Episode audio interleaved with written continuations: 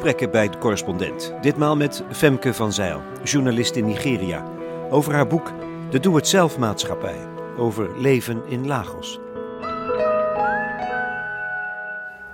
Mensen vragen het ook wel eens, zeker in Nigeria. Hoe kan je nou eigenlijk het in je hoofd halen als je uit een land komt waar dingen zo goed geregeld zijn, uit een zulke mooie omgeving? Hoe kun je dan ervoor kiezen om bij ons te gaan wonen? In onze doe-het-zelf maatschappij, met alle herrie en, uh, en alle opwinding van dien. Nou? Het is heel lekker om hier te zijn. Ik ben ook zeker niet iemand die zal zeggen, oh Nederland vreselijk. Maar je wordt enorm uitgedaagd in Lagos natuurlijk. De hele tijd uh, word je gevraagd van... dit is een probleem, hoe zal ik dit eens oplossen? Want je moet het ook zelf oplossen. Dus... Uh, alles, hè? Alles moet je zelf oplossen. Van, uh, van water en elektriciteit tot je veiligheid en, en de gezondheidszorg. En daar word je heel alert van. Um, misschien is het wel de adrenaline kick waar je dan verslaafd aan raakt. Maar het, is, het, is, het is wel een manier die mensen heel creatief houdt en, en heel ondernemend. Ja.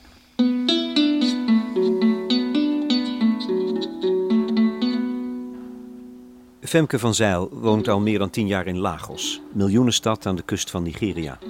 Ze weet dus precies hoe het is om te leven in dit land, notabene een van de grootste economieën van Afrika, ja, maar praktisch zonder overheid. Die schittert in afwezigheid. Hoe is dat mogelijk? Wat zijn de consequenties voor gewone burgers zoals Van Zijl? Ze schreef er het intrigerende boek over de doe-het-zelf-maatschappij, over leven in Lagos. Dat is een ondertitel met een knipoog, want het gaat wel degelijk om een soort van overleven. En daar ligt het belang van het boek, wat mij betreft. Want stel nou, hè, stel dat het misgaat in Nederland. Stel dat sommige sombere tendensen doorzetten. De uitholling van de democratie. Het uiteenvallen van de samenleving in haves en have-nots. En de staat blijkt hol. Luister naar mijn vorige gesprek over neoliberalisme. Dan zijn we opeens weer op onszelf aangewezen. Kunnen we dat? Zijn we daarvoor toegerust? Ik spreek Femke van Zijl in een slaperig dorpje in Noord-Brabant. Ze is even terug. De tuin is bloemenrijk. In de vijvers aan onze voeten dartelen goudvissen. Er is water. Er is schaduw. Ze noemt zichzelf bij herhaling een product van de verzorgingsmaatschappij. Wat betekent dat? Nou, dat betekent dat ik heel automatisch, als er iets misgaat, denk van... Oh, welke instantie moet ik hebben om dit op te lossen? Heel concreet, en dat voorbeeld wel veel genoemd. Toen bij mij in Lagos het water stopte met stromen, toen belde ik het waterleidingbedrijf. En mijn buren die zeiden, wat heb je gedaan? Die snapten er helemaal niets van. Die hadden al lang twee, drie oplossingen bedacht en uitgevoerd. En die hadden al lang weer water zelf. Terwijl ik nog aan het bellen was met de hele beleefde dames van het waterleidingbedrijf. Die zeiden, ja, yeah, there's a problem, don't worry, we will fix it soon. Er gebeurde helemaal niets. Um, dus ja, uiteindelijk moest ik het ook zelf oplossen. En dat is niet de automatische houding hier. Nee. Als je gewend bent van, nou ja, je hebt een probleem. Welke instantie is daarvoor verantwoordelijk? Is het een soort van verwendheid? Voelde je jezelf verwend meisje? Um, ja, maar al veel eerder natuurlijk. Al veel eerder. Ik, ik uh, ben tien jaar geleden heb ik als standplaats uh, Nigeria, Lagos gekozen. Maar daarvoor reisde ik al op en neer naar Afrika, bezuiden de Sahara. En dan is het heel duidelijk. We zijn niet alleen verwend, we zijn verschrikkelijk geprivilegeerd. En dan ook nog een keer geboren worden. Nou ja, in in zo'n dorpje in Noord-Brabant, in een familie die het goed heeft. Um, ja, het is, je moet wel heel erg blind zijn om, om niet te weten dat je verwend bent. Ja. Maakt het je in wezen ongeschikt hè, voor die struggle for life? Heb je het zo ervaren? Nou, uh, ook daar ben ik geprivilegeerd, laten we wel wezen. Ten eerste heb ik altijd dat Europese paspoort waarmee ik het vliegtuig kan pakken ja. en naar huis kan gaan. Of naar Nederland kan gaan. Um, maar bovendien zit ik natuurlijk in een bovenlaag. Ik ben zeker niet de rijkste um, in mijn wijk. Ik woon niet in een, uh, in een rijk waar, waar, de, waar de welgestelden woonden en de repats, de, de, de rijke Nigerianen die terugkeerden heb ik A, het geld niet voor en B, zitten die mensen allemaal achter hoge muren. En dat vind ik heel ongezellig. Dus ik woon gewoon op het vasteland waar de gewone mensen wonen. Maar ook om mij heen, de meeste Nigeriaanse families, die zijn eh, die hebben in ieder geval dagelijkse geld meer dan ik. In de zin dan, zij hebben wel een auto met chauffeur en ik kom met een oud barrel zelf voorrijden. Dus, maar even goed, om dat in perspectief te stellen, even goed ben ik daar geprivilegeerd. Dus uh, ben ik ongeschikt om uh, te overleven in de Sloppenwijk? Ja, dat lijkt me wel. Alle in de eerste plaats omdat ik al die bacteriën waar mensen in de Sloppenwijk langzamerhand aan gewend raakten. Om, en uh, al die virussen, dat ik daar niet tegen zou kunnen bijvoorbeeld. Nee, dat lijkt me heel duidelijk. Het meest hilarisch vind ik je, je ja wat is het, misschien wel katholieker, um, strijd tegen de corruptie. is dat katholiek? Nou, dat weet ik niet, maar het heeft ja, zoiets braafs. ik ben gewoon, ik heb een enorm sterk rechtvaardigheidsgevoel. Dat komt wel van mijn En dan moet je daar gaan wonen. Ja, ja, juist. Maar hier heb ik dat ook. Um, ik vind het gewoon oneerlijk. En uh, ik, ik, ik, zal, ik ben heel braaf in de zin van ik zal regels opvolgen als ik, als ik, als ik ze eerlijk vind en denk van nou ja, dat, dat heeft zin. Want daar kwam je jezelf natuurlijk ook wel tegen, hè, daar?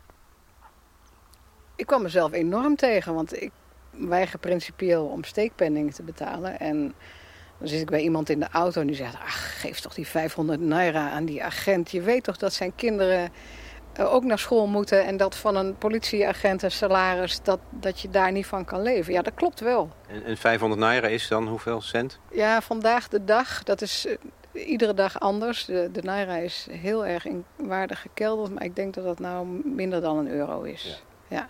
Dus waar heb je het over, Femke van Zijl? Principes. Die zitten dus in de weg. Nee, nee, ik vind het niet. Want ik denk, um, als je heel duidelijk laat zien waarom je principes hebt, dan is die 500 euro, 500 naira, net zo erg als de miljoenen die ja? de politici hoger opstelen. Want het heeft namelijk allemaal wel met elkaar te maken. Het is een heel netwerk aan, um, ja, wij noemen het corruptie, maar ik denk dat we langzamerhand een ander begrip daarvoor moeten uitvinden. Want het is uh, haast een informeel sociaal stelsel. Als hier iemand corrupt is, dan steekt hij dus zijn eigen zak. Hè? Siewert van der Linden die heeft volgens mij geen sociaal uh, stelsel opgebouwd om zijn rijkdom te verdelen. In Nigeria is het zo, als je als politicus um, op een plek geraakt waarvan mensen weten, die kan aan geld komen, dan staat meteen de buurt op de stoep uh, al je neven en nichten, uh, iedereen die zich verwant acht aan jou, of het nou gaat om religie of etniciteit. En de meeste politici hebben dan ook echt een ontvangsthal voor die mensen. En die verwachten allemaal dat jij wat geeft. Omdat hun vrouw zwanger is of omdat hun kinderen naar school moeten en het schoolgeld moet betaald. Dus dat is al vrij snel een herverdeling van, van dat geld. Dus corruptie daar heeft echt een andere functie. Um, en dat, dat, trickled down in goed Nederlands. Dat druppelt dan langzamerhand naar beneden. En als je daar ooit iets uh, aan wil uh, gaan doen, dan moet je eerst duidelijk maken van, nou ja, dan moeten bijvoorbeeld die agenten beter betaald worden. Want in feite zijn Nigerianen met z'n allen met die 500 naira iedere keer zijn ze het salaris van die agenten bij aan het spekken. Waardoor die agenten niet naar Abuja, de hoofdstad, gaan om te zeggen: wij willen meer salaris. Ja, maar dan, dan gaat het lijken, en, en zo schrijf je er ook over, als, alsof het een soort alternatief belastingstelsel is. Ja. In feite geef je belastingen aan die politieagent, maar direct. Ja. He, dat is heel dicht bij je overheid, zou kunnen zeggen. Dus wat is daar mis mee? Nee, Betaal ook... die 500 naira dan gewoon. Als je dat zou formaliseren, en dat heb ik ook in mijn boek voorgesteld, van nou laten we het dan nadenken over of je dat zou formaliseren. Dat iedere ambtenaar op het moment dat ze te maken krijgen met een burger een x-bedrag krijgt en dat in eigen zak kan steken. Um, en dan heb je hele directe belastingen, want inderdaad, Nigerianen betalen nauwelijks belasting. Maar um, 98% van de Nigerianen betaalt aan ambtenaren in functie. En als dat werkt, als dat dan zo werkt, ja, waarom kun je dat niet met een app of zo formaliseren? Van, nou ja, dan is het ook. En dan is het ook wat eerlijker.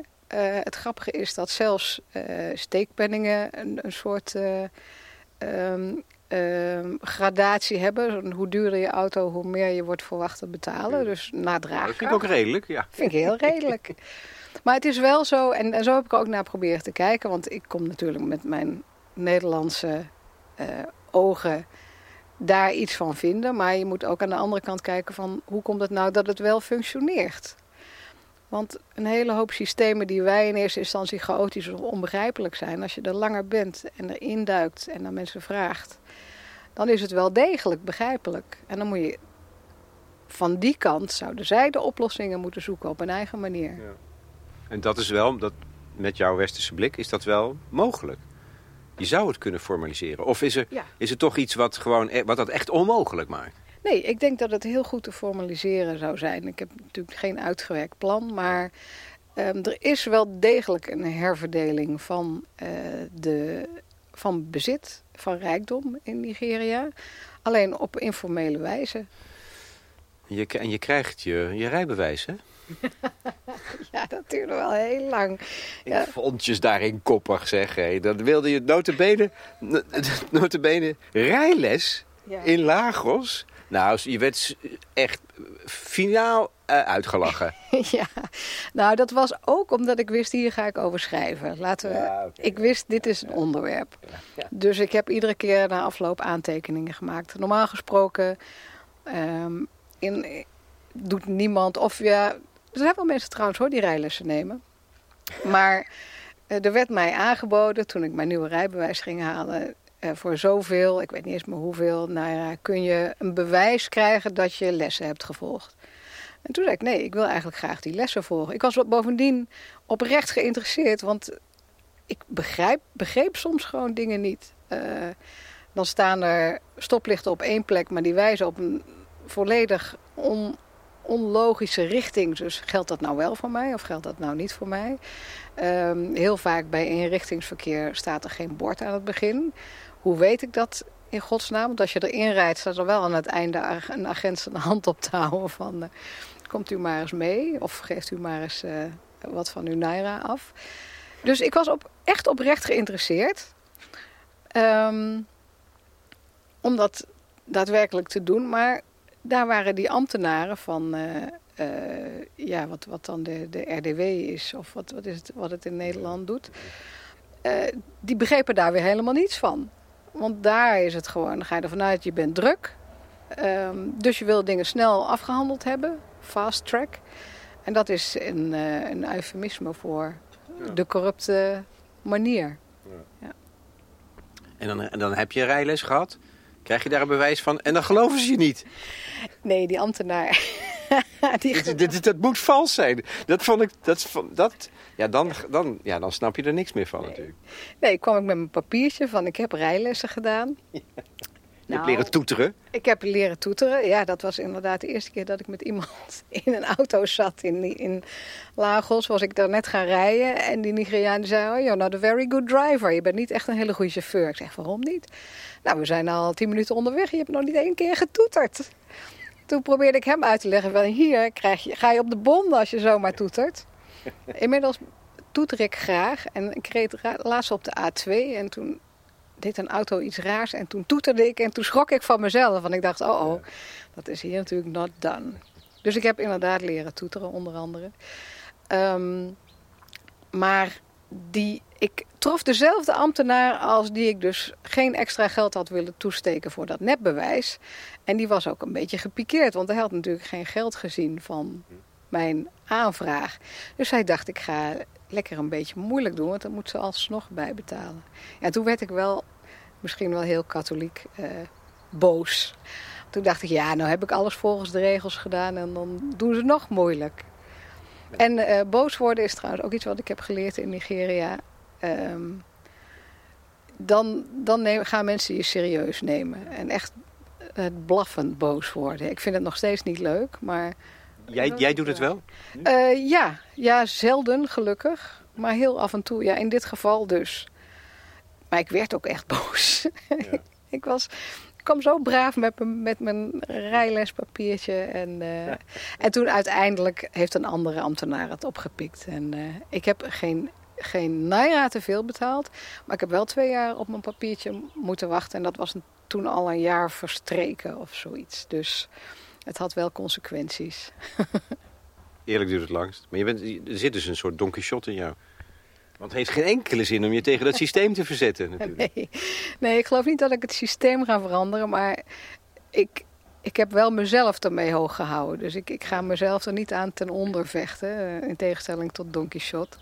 Maar je moet ook jezelf recht in de ogen blijven kijken. En, en dat bedoel ik met eh, waarom ik dus geen steekpenningen geef. Ook niet die 500 naira aan die politieagent, die ik me best kan veroorloven natuurlijk.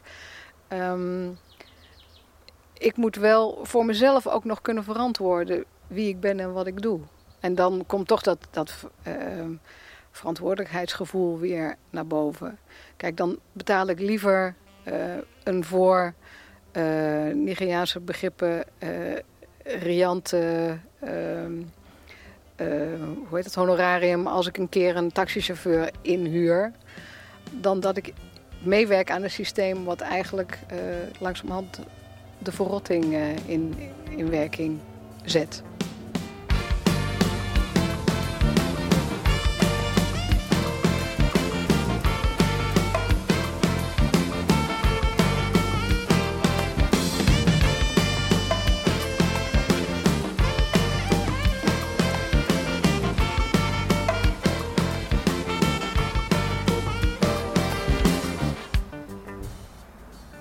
Dit beeld van de Nigeriaanse doe-het-zelf-maatschappij noem je een parabel.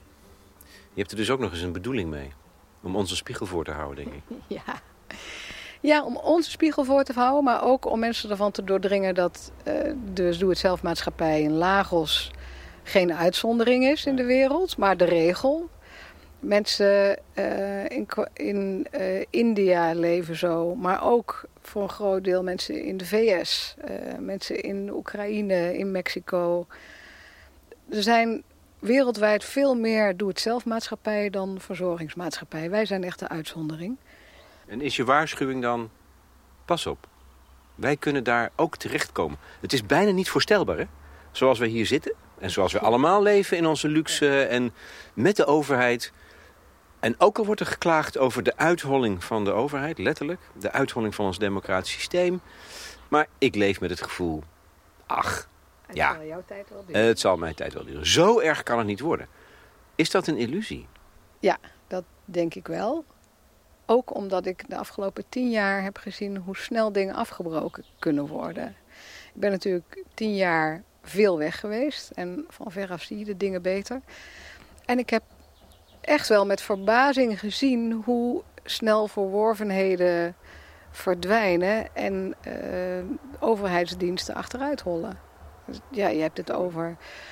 Um, tien jaar geleden hoorde je rondom het Radio 1-journaal zelden spotjes over bijlessen en privéscholen en dergelijke. Tegenwoordig wemelt het ervan. En dat zegt iets over het niveau van het onderwijs. En dat laat ook zien hoe, net zoals in Nigeria, de middenklasse zich wel een weg uit de problemen kan kopen. Maar er blijft altijd een groep achter die dat niet kan. En dan krijg je dus wat je in Nigeria hebt. Het openbare onderwijs is werkelijk alleen voor de aller, allerarmsten. En er is geen gedeeld maatschappelijk belang waardoor mensen naar Den Haag gaan of in het geval van Nigeria, Abuja, en zeggen wij willen uh, beter onderwijs. Gezondheidszorg, hetzelfde iemand hier uh, in, in Berkel en Schot die het zich kan veroorloven, die gaat echt niet op die wachtlijsten van twee tot vier maanden wachten. Die gaat naar België of naar Duitsland, omdat ze het geld heeft. En hoe, hoe meer mensen dat kunnen, hoe meer het algemeen belang wordt uitgehold. En al dat soort verworvenheden zijn heel makkelijk te verkwanselen en verdomd moeilijk op te bouwen. Want dat heb ik in Nigeria ook gezien. Het is een doe-het-zelf maatschappij, maar desalniettemin van onderop blijven Nigerianen steeds proberen om zo'n overheidje zelf op te bouwen. In straatverband om te beginnen al. En hoe moeilijk dat is. Um, en hoe, hoeveel inspanning dat vergt. Dat heb ik ook van dichtbij gezien. Dus ik heb het boek niet zozeer als parabel geschreven van uh, bij ons gaat het mis. Maar als je dat op die manier tegen het licht houdt, dan vind ik het wel stof tot nadenken geven. Ja. ja. En toch een soort waarschuwing. Pas op, we kunnen echt iets fundamenteels kwijtraken. En dan komt het op de kunst van het overleven aan, hè? Ja, en dan vallen natuurlijk gewoon mensen af. Want dan, dan gaat Darwin, de wet van uh, van de sterkste gewoon heersen. En dat zie je ook in Nigeria. Want mensen zijn enorm sterk. Dat zijn ze wel geworden door, uh, doordat ze altijd op zichzelf zijn aangewezen. Maar de mensen die af zijn gevallen door de jaren heen, die zie je dan natuurlijk niet meer. Um, in, uh, een van de hoofdpersonen in de doe-het-zelf-maatschappij, Ishola. Hij noemt zichzelf The Great Slum Dweller, de grote sloppenwijkbewoner als geuzennaam. Die heeft letterlijk uit, uh, uit een moeras, door in een moeras vuilnis te laten storten, heeft hij zijn eigen wijk gecreëerd. En uh, een wijk, een, een sloppenwijk, waar um, inmiddels ja, zo'n duizenden mensen wonen. Waar ook helemaal geen covid was, bijvoorbeeld. Dat hebben ze gewoon niet. Hebben ze, zijn geen mensen zieker geworden of uh, dan anders. En Isula zei van ja, wij zijn, wij zijn al zoveel gewend. Ons krijg je er niet onder. Maar de sterkste, die, die gaan door. Die hebben het overleefd. Maar de zwakste, die hebben dan natuurlijk wel altijd het nakijken. En dat zie je in, in Nigeria ook heel sterk. De middenklasse is enorm bezig met maar genoeg geld verdienen om de kinderen naar die privéscholen te sturen. Liefst naar een universiteit in het buitenland. Als er iemand iets overkomt, god beter het qua ziekte dan ook het liefst naar het buitenland, naar een kliniek in Turkije of India, of als ze echt veel geld hebben in Engeland. En uh, dat maakt dat ze ook geen tijd meer hebben om zich in te zetten voor het algemeen belang. En dat maatschappelijke middenveld in Nederland is natuurlijk vaak wel gedragen door die middenklasse. Wat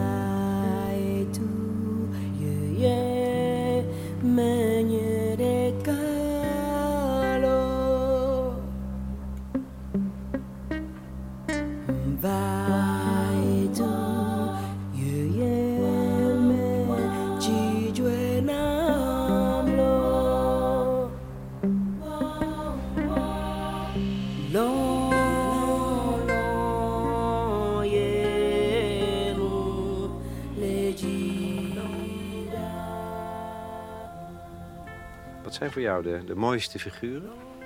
Of de, wie zou je er dan uit willen lichten? Nou, dan zou ik Amaka kiezen. Dat, is, uh, dat was mijn buurvrouw. Inmiddels zijn we weer verhuisd. Die had een buurtwinkeltje en uh, drie kinderen. Um, en een bescheiden inkomen. Haar man uh, woonde een paar deelstaten verder om het geld te verdienen. Dat zie je in Nigeria ook heel vaak. Dat ja, het geld verdienen gaat boven het gezinsleven. Want waar ga je anders van eten en je kinderen van uh, naar school sturen? En uh, Amaka had ook, net zoals ik, een sterk ontwikkeld rechtvaardigheidsgevoel. Dus toen er bij haar een keer een dief was betrapt en door de meute te pakken was genomen en ze hem begonnen te schoppen en te slaan, was zij degene die zei: nee, je gaat hem niet. Uh, nou, bezeren wou ik zeggen, maar dat was een eufemisme. Het gebeurt nog wel eens dat mensen gelyncht worden. Hè? Dat dieven, als, omdat, als straf voor als dat soort dingen, dus als middeleeuwse praktijk in feite. Omdat ze weten dat uh, de politie toch niets doet, of hem laat lopen, of uh, de, de, de, rechter er niet aan toe zal komen. Dus mensen vertrouwen niet meer op het rechtssysteem. En uh, doen het dan zelf wel. De doe het zelf maatschappij in, in de meest extreme vorm. Maar Amaka was degene die zei nee, hij gaat naar de politie. Ondanks het feit dat ze uiteindelijk bij de rechtbank zat en gewoon begreep van ja, dit gaat mij zoveel tijd kosten om überhaupt iedere keer te komen getuigen. En iedere keer werd het weer uitgesteld. En, maar toch hield zij haar principes hoog. En, en, en als ik zo naar Makka zie, dan denk ik ook van ja, maar dan moet ik niet gaan buigen omdat het makkelijker is om snel ergens vanaf te komen en iemand een steekpenning toe te steken. Maar Amaka ook drie kinderen en die dus iedere keer als het schoolgeld betaald moest worden. Haar drie kinderen gingen naar privéscholen. En nou denk je bij Nederland privéscholen, oh kou kak. Nee, in Nigeria of in Lagos doet ook de marktkoopvrouw en de automonteur hun kinderen het liefst naar een privéschool. Het wemelt er ook van. Hè. In iedere straat zit wel een schooltje omdat het niveau van het onderwijs, het openbaar onderwijs, zo slecht is en de voorzieningen zo beroerd, dat ze dat gewoon geen alternatief vinden. Ja, als om half drie de openbare scholen uitgaan, dan moet je bijna je winkeldeuren sluiten. Ja. Uit angst voor, voor jongeren die gaan vechten en rellen. En... Ja, ja, dat is echt um, een, een, uh, een bevolkingsgroep die heeft geleerd dat met geweld, nou, die met geweld vaak is opgevoed, maar die ook heeft geleerd, daar in de scholen liggen al de rietjes op tafel. Hè? Dus de, de, in het onderwijs ook geweld. En dat vertaalt zich ook, als ze naar huis gaan, dan, uh, dan zijn ze ook niet te houden. Ja. Dus daar gaat Amaka haar kinderen niet naartoe sturen. Maar dat heeft wel als gevolg dat zij ieder half jaar, als het volgende semester betaald moet worden, dat ze weer moet kijken, alles de tering naar de nering moet zetten om te kijken van kan ik het wel betalen dit, dit semester.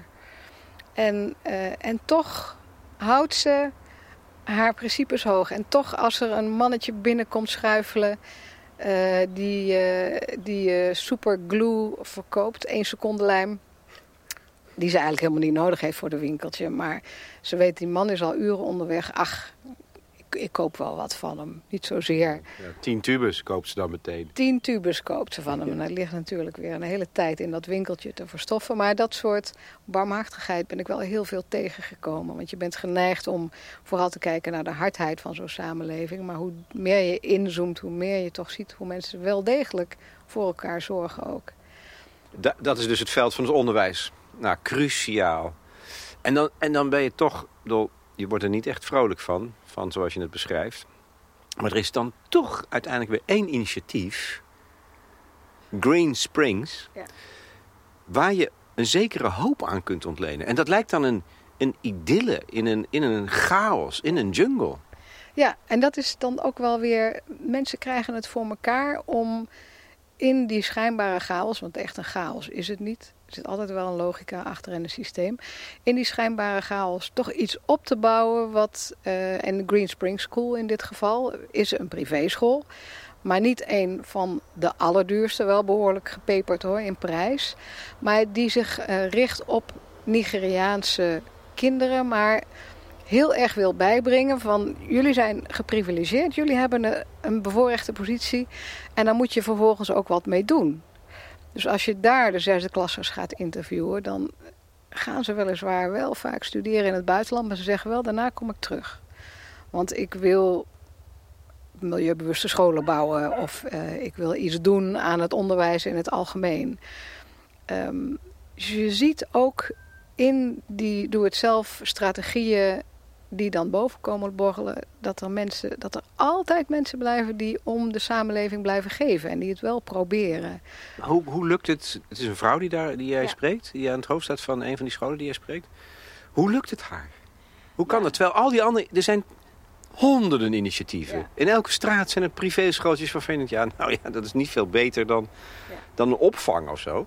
Maar zij weet daar een heel schitterend systeem, zo lijkt het althans, op te bouwen uit het niks. Met, met, ook met niks en ook zonder overheid. Ja, ik denk toch weer dat het iemand is die vasthoudt aan zijn principes. Want een hele hoop van die schooltjes uh, die dan her en der opduiken, dat zijn, is gewoon een manier om geld te verdienen. Dus dat is... Uh, um, ja. Maar zij is inderdaad begonnen in vier kamers uh, die ze van de vader mocht huren... En uh, ze mocht de, de kinderen van de zus ook lenen. En de eigen kinderen is begonnen met een Montessori um, groep 1. En zo heeft ze het opgebouwd. Nu een dependance in Lekki en uh, nog steeds een grote vestiging uh, op het vasteland. Maar ze heeft altijd vastgehouden aan uh, de kwaliteit van het onderwijs. Terwijl ze aan de andere kant wel wil proberen om de kosten lager te houden. En um, voor de middenklasse, die natuurlijk al in vergelijking met het gros van de heel rijk is, bereikbaar.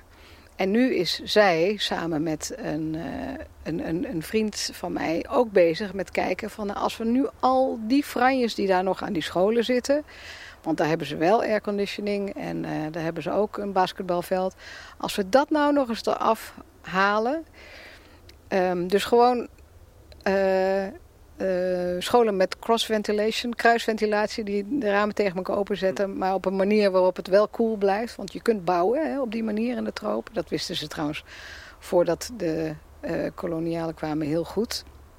De ramen tegen elkaar openzetten. Ja, precies. Maar ook uh, zorgen dat er geen, geen licht binnenkomt. Ik bedoel, al die ruiten en zo, daar, daar is het niet, uh, niet beter van geworden in de tropische woningen. Um, maar om dat geheel te ontdoen, maar wel te blijven inzetten op de kwaliteit van het onderwijs. Zodat ook de lagere middenklasse, iemand als Amaka, haar kinderen naar zo'n school zou toe kunnen sturen. Waar wel wordt geleerd over maatschappelijke verantwoordelijkheid, over politiek, over zelf nadenken.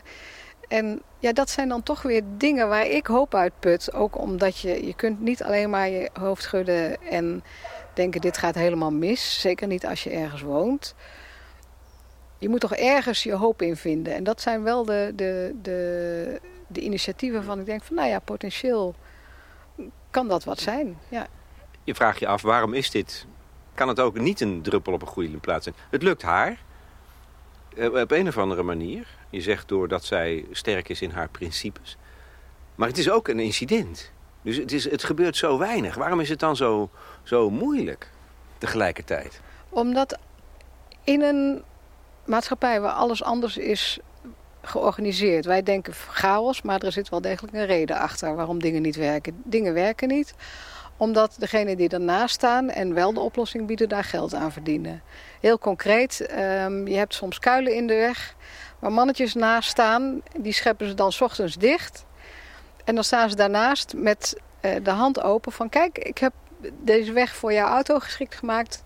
Uh, wat wil je daarvoor bijdragen? Nou ja, dat is, dat is een hele concrete, maar abstract is het zo.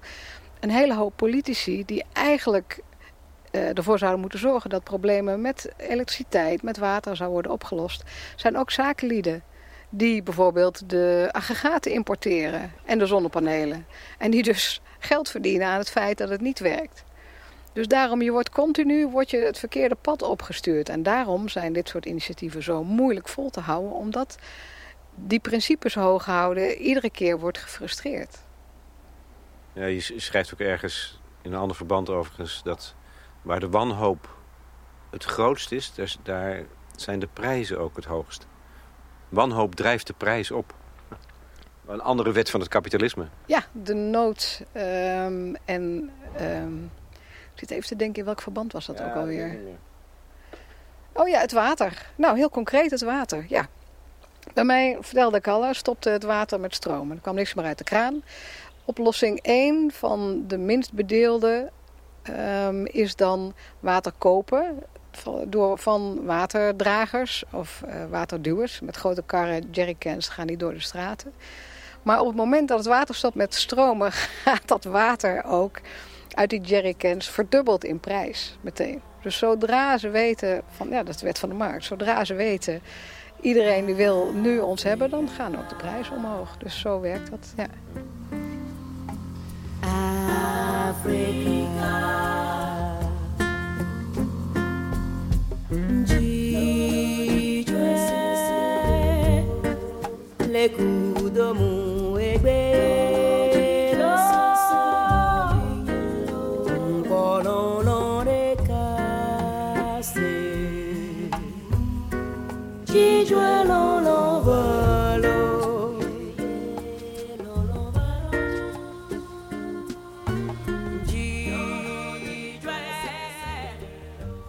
Dus dat is Amaka. Gaat het goed met haar kinderen? Ja, gaat uitstekend. Ik, ben, uh, laatst, ik ga regelmatig wel even buurten. En uh, dan vertelt ze heel trots. Nou, beide kinderen gaan nu naar de universiteit. En maar zij... dat is toch een ongelofelijke prestatie van haar? Met haar buurtwinkeltje met die 10 tubus, tubus ja. secondenlijm op een schap? Ja. Nou, het is niet voor niks dat Nigerianen die elders terechtkomen. In landen waar wat meer dingen geregeld zijn, die doen het vaak ook onwaarschijnlijk goed. Uh, omdat ze maar met een heel klein beetje extra en zo gewend voor zichzelf op te komen, voor zichzelf te denken, te doen, uh, heel veel meer bereiken. In Amerika is de hoogst opgeleide groep migranten, Afrikaanse migranten, zijn Nigerianen. Dus um, ja, dat is een fantastische prestatie. Maar zij voelt zich dan schuldig, want het is wel een Nigeriaanse universiteit waar de kinderen naartoe gaan. En ze had ze eigenlijk liever op een Engelse uh, of desnoods Turkse universiteit gedaan. Maar daar had ze dan het geld niet voor. Dus dat was ze haast verontschuldigend voor, naar mij toe. Ander hoofdpersonage die je dierbaar is. Ja, ja Bolanle. Bolanle, en dat is ook meteen het, het meest tragische verhaal. Toevallig vertelde mijn moeder, die net mijn boek heeft uitgelezen, dat ze wel een traantje had gelaten bij het verhaal van Bolanlé. En dat begrijp ik. Bolanlé is uh, jurist. Leuke jonge man. Uh, om te zien. Uh, in zijn vrije tijd in een Nike shirt en shorts. En toen kwam ik een keer op het werk tegen. En ik herkende hem niet, want bretels en zo'n brede glimmende das. Nigerianen kunnen dat heel goed, heel officieel zich kleden. Prachtig. Maar um, hij vertelde ooit tussen neus en lippen door dat hij um, sikkelcelziekte heeft. Sikkelcel, dat is een afwijking uh, in je bloed. Um, waardoor eens in de zoveel tijd je bloed, uh, ik moet zeggen, je rode bloedlichaampjes volgens mij, knappen. Of in ieder geval, ze, ze, doen rare dingen en je krijgt er vreselijke aanvallen van. Je bent er sowieso een leven lang verzwakt door en je leeft waarschijnlijk niet lang. Dus toen Bolanle geboren werd, hij wist al vrij snel dat hij zorg nodig zou hebben. Um, in een land waar het gros van de mensen geen ziektekostenverzekering heeft.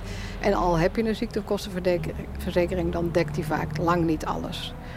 Dus um, ernstig ziek in een land waar uh, geen voorzieningen zijn wat dat betreft. Maar ook um, een, een vrouw en een kind, getrouwd inmiddels. En zijn voornaamste zorg is: ik wil mijn vrouw en kind goed verzorgd achterlaten. Dus uh, die heeft zich bijna letterlijk kapot gewerkt. Een goede baan, dat wel, in, uh, um, uh, op Lagos Island, op, op een van de eilanden. Maar niemand die zich kan veroorloven om daar te wonen, of in ieder geval niet van die middenklasse. Dus iedere dag urenlang op en neer in de auto. Ja, urenlang, ze zegt vier, vijf uur op ja. een dag. Ja, ja zes, zes uur zat hij wel in totaal in de auto. Slopend, lichamelijk voor hem ook. En um, hij redde het gewoon niet meer. Zijn moeder uh, was ambtenaar. Die heeft hij uh, geholpen met een stukje grond kopen en een extra huis op te bouwen als ouderdagsvoorziening. Dat is uh, um, doe-het-zelf strategie nummer één als het gaat om het pensioen. Mensen die, die kopen een lapje grond en gaan er of zelf op wonen en op iets op verbouwen. En als je iets uh, beter gesitueerd bent, dan zetten ze daar iets op waardoor ze huur krijgen. Want pensioenen zijn er of heel laag als je ambtenaar bent of uh, helemaal niet. Dus dat had hij allemaal al geregeld. En, um, en ik kende hem al een hele tijd. En op een gegeven moment kwam ik hem tegen. Toen hoe gaat het met je dochter en je vrouw? Ja, die zijn in Engeland. Uh, en waarom? Ja, ze willen kijken hoe dat voelt. Want uh, we denken erover om naar het buitenland te migreren. Niet als economisch uh, migrant of niet als vluchteling. Dit soort mensen zijn enorm gewild. In uh, zeker Engelstalige landen. Artsen, juristen, goed opgeleide Nigerianen zijn heel erg gewild. En daar vertrekken er heel veel van. Um, de laatste keer dat ik hem sprak was uh, via de WhatsApp. Uh, want uiteindelijk is zijn hele familie naar Canada gemigreerd. Waar hij nou een goede baan heeft.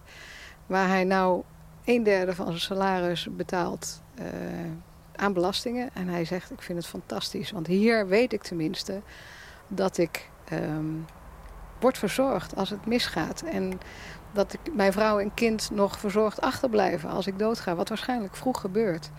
En toen vroeg ik Bolanle, wat is, dan, wat is dan het moment geweest wat voor jou de doorslag heeft gegeven? Want hij was wel iemand die eigenlijk heel graag in het land wilde blijven en dingen beter wilde maken. Hij zei, ja, dat is het verhaal geweest van een kennis van mij. Die, uh, een rijk man, uh, die zijn eigen communicatiebedrijf had. Verschillende huizen in Lekki, dat is een rijke luisenclave in het oosten van Nigeria. Die iedere vier jaar een nieuwe auto voor zijn, voor zijn vrouw kocht. Weer kinderen naar de duurste privéscholen gingen. En die op een gegeven moment ziek wordt en werd gediagnosticeerd met um, leukemie. En in plaats van dat hij koos om dat uh, te gaan genezen, heeft hij, is hij uit het leven gestapt. Hij is wat overlegd met zijn vrouw en tegen de vrouw gezegd: luister eens, als ik dit ga behandelen, dan moeten we de huizen verkopen. Kunnen de kinderen niet meer naar de privéschool. En dan weten we nog niet eens zeker dat ik het overleef. Ik denk dat het verstandig is dat ik er een eind aan maak. En toen brak ik zelf ook wel, want als je zo'n keuze moet maken in het leven, ja, dan, dan, dan dat laat ook gewoon meteen zien waar de doe-het-zelf-maatschappij niet werkt. Ja, dat is in eerste instantie onderwijs natuurlijk, maar gezondheidszorg is, uh, ja, dat kun je gewoon niet in je eentje. Dat laat dit wel zien. Ja, dat is een offer brengen. Maar en betalen met je leven dus. Ja, dat is het. Ja, en, en, Wat ook wel ongelooflijk ontroerend is, moet ik zeggen. Of, of moet je zeggen, ja. dat ja, ja. Be bewonderde die keus ook. Um, wilde hem zelf niet hoeven maken. En uh, ja, want je weet daarna ook niet, als je je kinderen achterlaat, hoe het hen vervolgens weer gaat natuurlijk. Ja. Je schrijft, je bent in Nigeria één ziekte verwijderd van de armoede.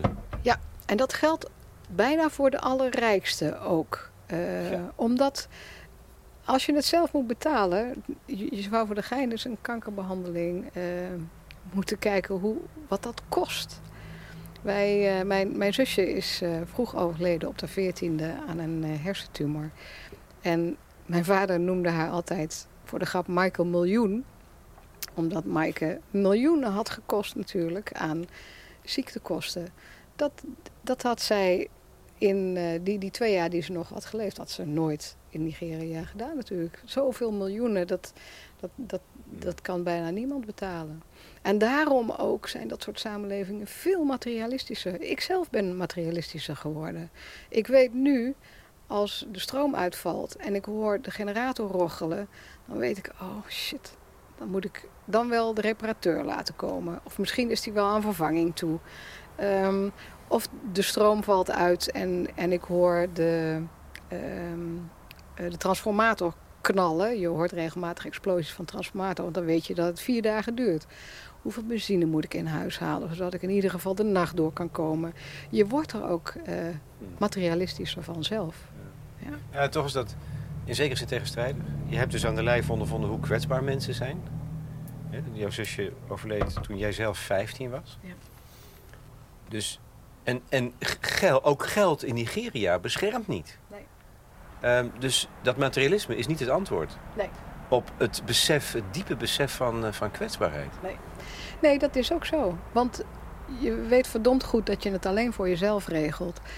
En daarom uh, hamer ik ook iedere keer op die daden van barmhart barmhartigheid... die je steeds weer ziet in Lagos. Want van de buitenkant lijkt het allemaal keihard en meedogenloos. Maar hoe meer je inzoomt, zie je dat mensen elkaar wel helpen. En zie je dat... Uh, nou, corona. Er is één keer een lockdown geweest uh, in Nigeria van twee maanden. Lagos twee maanden op slot. In Nigeria wonen mensen die weten, worden ochtends wakker en die weten niet waar ze het geld vandaan moeten halen om die avond te eten. Dus voor dat soort mensen is een lockdown echt fataal, dodelijk. Bij mij in de straat is de uh, bewonersvereniging toen bij elkaar gaan zitten en heeft gekeken van wel, wie, welke wie bij ons in de straat valt onder die categorie. Kunnen we daar geld bij elkaar voor leggen, rijst uh, gaan afleveren, zodat ze in ieder geval iets te eten hebben. Dat soort dingen gebeuren ook. En dat zie je eigenlijk pas als je er langer woont en gewoon in de sociale structuren zit. Want dat zijn natuurlijk geen dingen die aan de grote klok worden gehangen. Uh, maar het zijn wel dingen die gebeuren en die, en die zie je overal. En dat is dan ook mijn hoop. Van onderaf proberen mensen steeds weer sociale stelsels op te bouwen. Uh, van onderaf, nou zo'n zo'n bewonersvereniging bijvoorbeeld. Um, ze houden elkaar wel in de gaten. Uh, ze proberen wel in eerste instantie het veiligheidsprobleem op te lossen.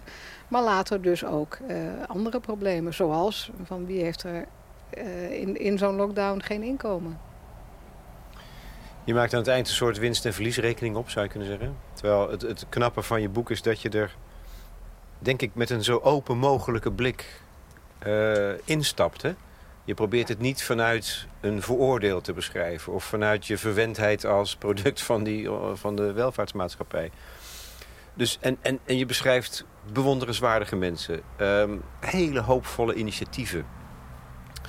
Waardoor het steeds een soort evenwicht heeft. Aan de ene kant is de corruptie hopeloos. En je denkt niet dat het ooit iets verandert. Maar er zijn ook initiatieven die wel licht geven.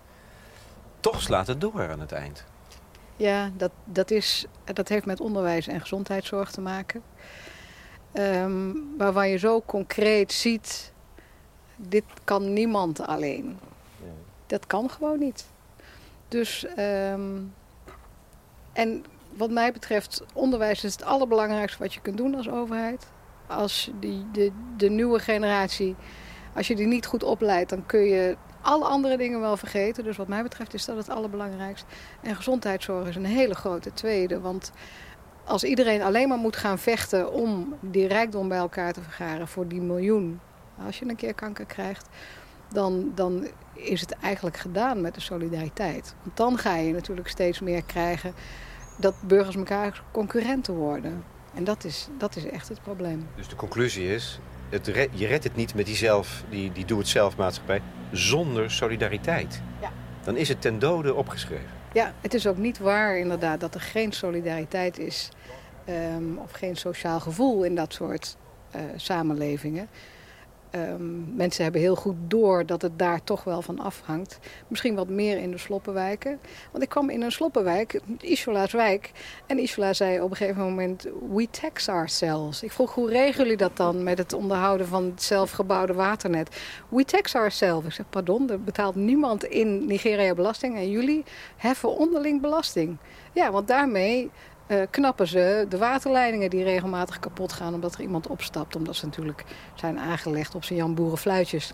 Knappen ze de waterleidingen van op en, en de elektriciteit. En dat soort dingen laat gewoon weer zien van je gaat toch weer terug naar een manier om het samen te organiseren. Iedere maatschappij gaat daarnaar terug. En dat, dat willen Lagosianen niet minder uh, en Nigerianen niet minder dan Nederlanders. Je hoopt dat die kinderen die uitzwermen over de wereld naar goede universiteiten. Om echt perfect onderwijs te krijgen. En daar zijn ze geschikt voor, want ze zijn nou ja, uitgerust, zou je kunnen zeggen. Dat die terugkomen om te helpen opbouwen. Hoe lang blijf, je er nog, blijf jij er nog wonen? ik ben getrouwd met een Nigeriaan inmiddels. Dus mijn haakjes zijn wel wat meer dan alleen maar een, een journalistieke standplaats. Maar ik ben getrouwd met een, een Nigeriaan met uh, ook Jamaicaanse wortels. Zijn vader is Jamaicaans. En om heel eerlijk te zijn, en dat lees je ook in het boek... Nigeria is geen land om oud te worden. Als ik een rollator door de straten van Lagos zou moeten duwen... ja, dat kun je wel vergeten. Dus als wij oud en gammel worden, is het plan...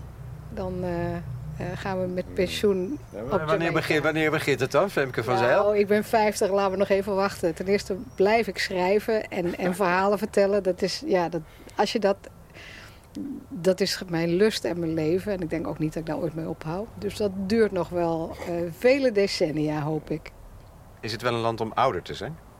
Het is een fantastisch land om ouder te zijn. Dat is goed dat je daarop wijst. Het is dus niet ouder in zin van op leeftijd te zijn. Want je, oh. je, zegt om oud, oud. Het is niet een land om oud te worden, zeg je. Ja, nee. Maar ik bedoel, vader of moeder te zijn. Ja, ik, ik ben geen ouder, bewust niet. Ik heb nooit kinderen gewild. Uh, Igoni, mijn echtgenoot, ook niet. Um, Waarom niet, als ik vragen mag? Ik heb daar nooit uh, de drang toe gevoeld. En ik ben wel een 100% mens, of 120% mens. Dus ik weet wel, als ik iets doe, dan wil ik het 120% doen. En dan wilde ik eigenlijk liever 120% journalist zijn dan 120% ouder. Ik ben wel zeer toegewijde tante overigens. voor voor de, de dochters van uh, mijn broer en zijn vrouw. Nee, ik vroeg namelijk of het daar iets mee te maken had. Hè? Want ik, ik, uit je boek kan je opmaken dat jij niet moeder bent. Ja. Want anders had het erover gegaan. En dan gaat er nergens over. Dus dan denk je, oké. En ik dacht, heeft dat iets te maken met die samenleving? Nee, dat had ik, dat had ik al eerder. Dat heeft gewoon nooit echt uh, in mij gezeten, die drang. Maar waar ik toch even op terug wil komen. Oud worden in Nigeria. Het is geen... Um, oud en, en krakkemikkig worden in Nigeria is geen genot. Maar ouder zijn is wel een genot. Want... Uh, leeftijd wordt nog steeds enorm gerespecteerd. En uh, hoe ouder ik word, hoe meer grijze haren ik krijg, hoe, met hoe meer respect ik word behandeld in Nigeria. En dat is ook wel leuk. Als mijn moeder, die regelmatig langskomt in Lagos, daar is met haar grijze haren en ook nog eens een keer de moeder van iemand, dan wordt zij behandeld als een koningin. En dat is ook wel weer eens leuk. Dus wat dat betreft is, is oud zijn in Nigeria weer niet zo erg. Dan wel in gezondheid. Eh, in gezondheid, ja precies.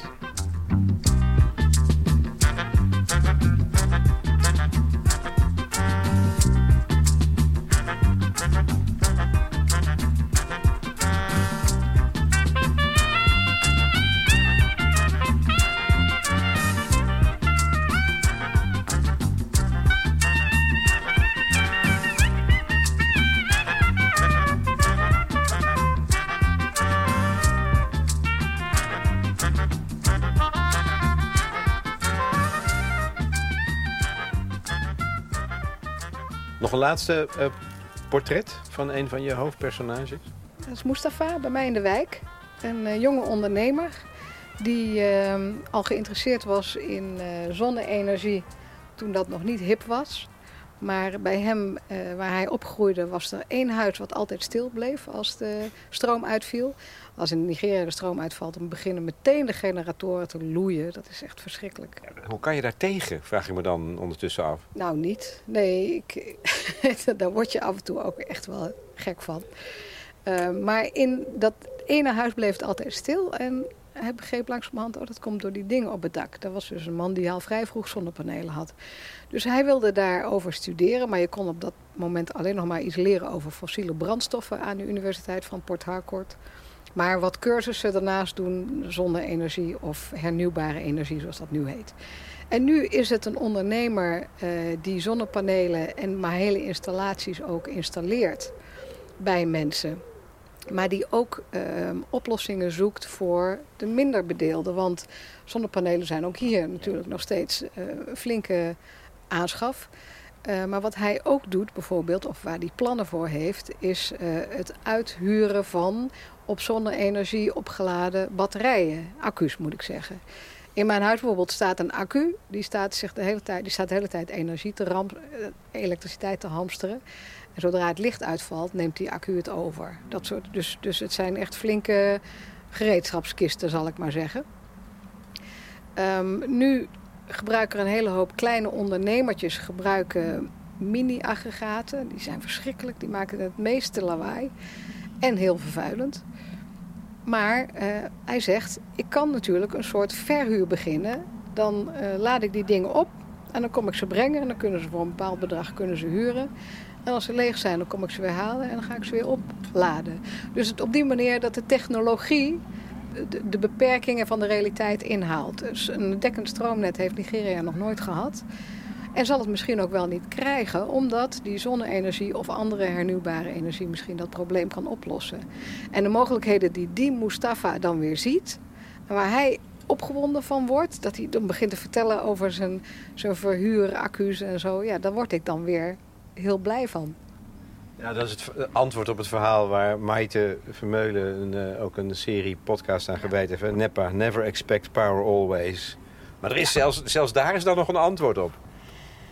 Ja, zelfs daar, of juist daar. Als het, ja. als het technologie is, dan is er misschien wel, wel iets te redden. Dat is hetzelfde geweest met het mobiele uh, netwerk. Uh, toen er nog telefoonlijnen waren, landlijnen, waar, waar had bijna niemand een telefoon in Nigeria omdat uh, het zo slecht geregeld was. En het was dus ook geen net, dekkend netwerk. Maar zodra het werd vrijgegeven voor de mobiele telefonie...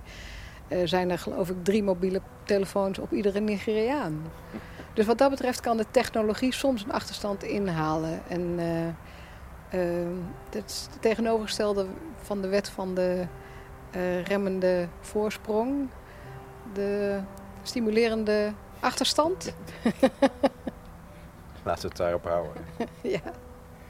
Nou ja, ik hoop niet dat we daar terechtkomen waar jij leeft en overleeft.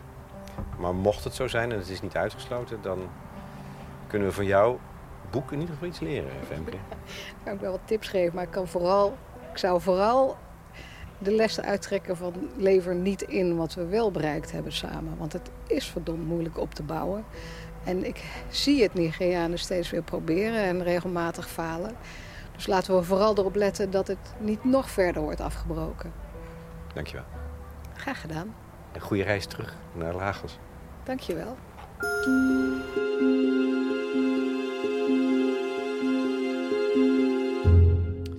Femke van Zeil in gesprek met Lex Bolmeijer voor de correspondent over haar boek De Doe-het-zelf maatschappij over leven in Lagos. Het boek is uitgekomen bij Ambo Antos.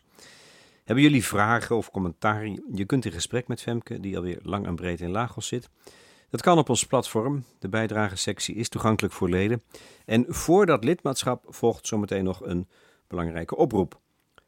Ten slotte een aantekening bij de muziek. Ik gebruik de muziek van Nigeriaanse artiesten, zoals Angelique Kidjo en de onvermijdelijke Fela Kuti. En het nummer Survival van Femi Kuti.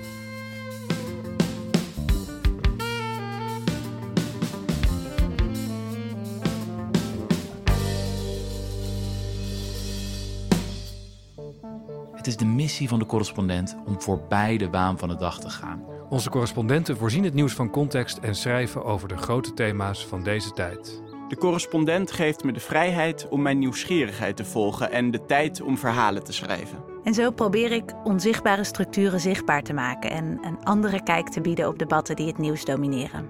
Dan gaat het minder over het spelletje en veel meer over wat er op het spel staat. Vanaf dag 1 zijn onze artikelen, boeken en podcasts gefinancierd door onze leden. Volg ons op onze journalistieke zoektocht. Overweeg eens lid te worden van de correspondent. En maak daarmee samen met ruim 70.000 anderen onze onafhankelijke journalistiek mogelijk. Dus word lid van de correspondent. Ja. Word lid. Word lid.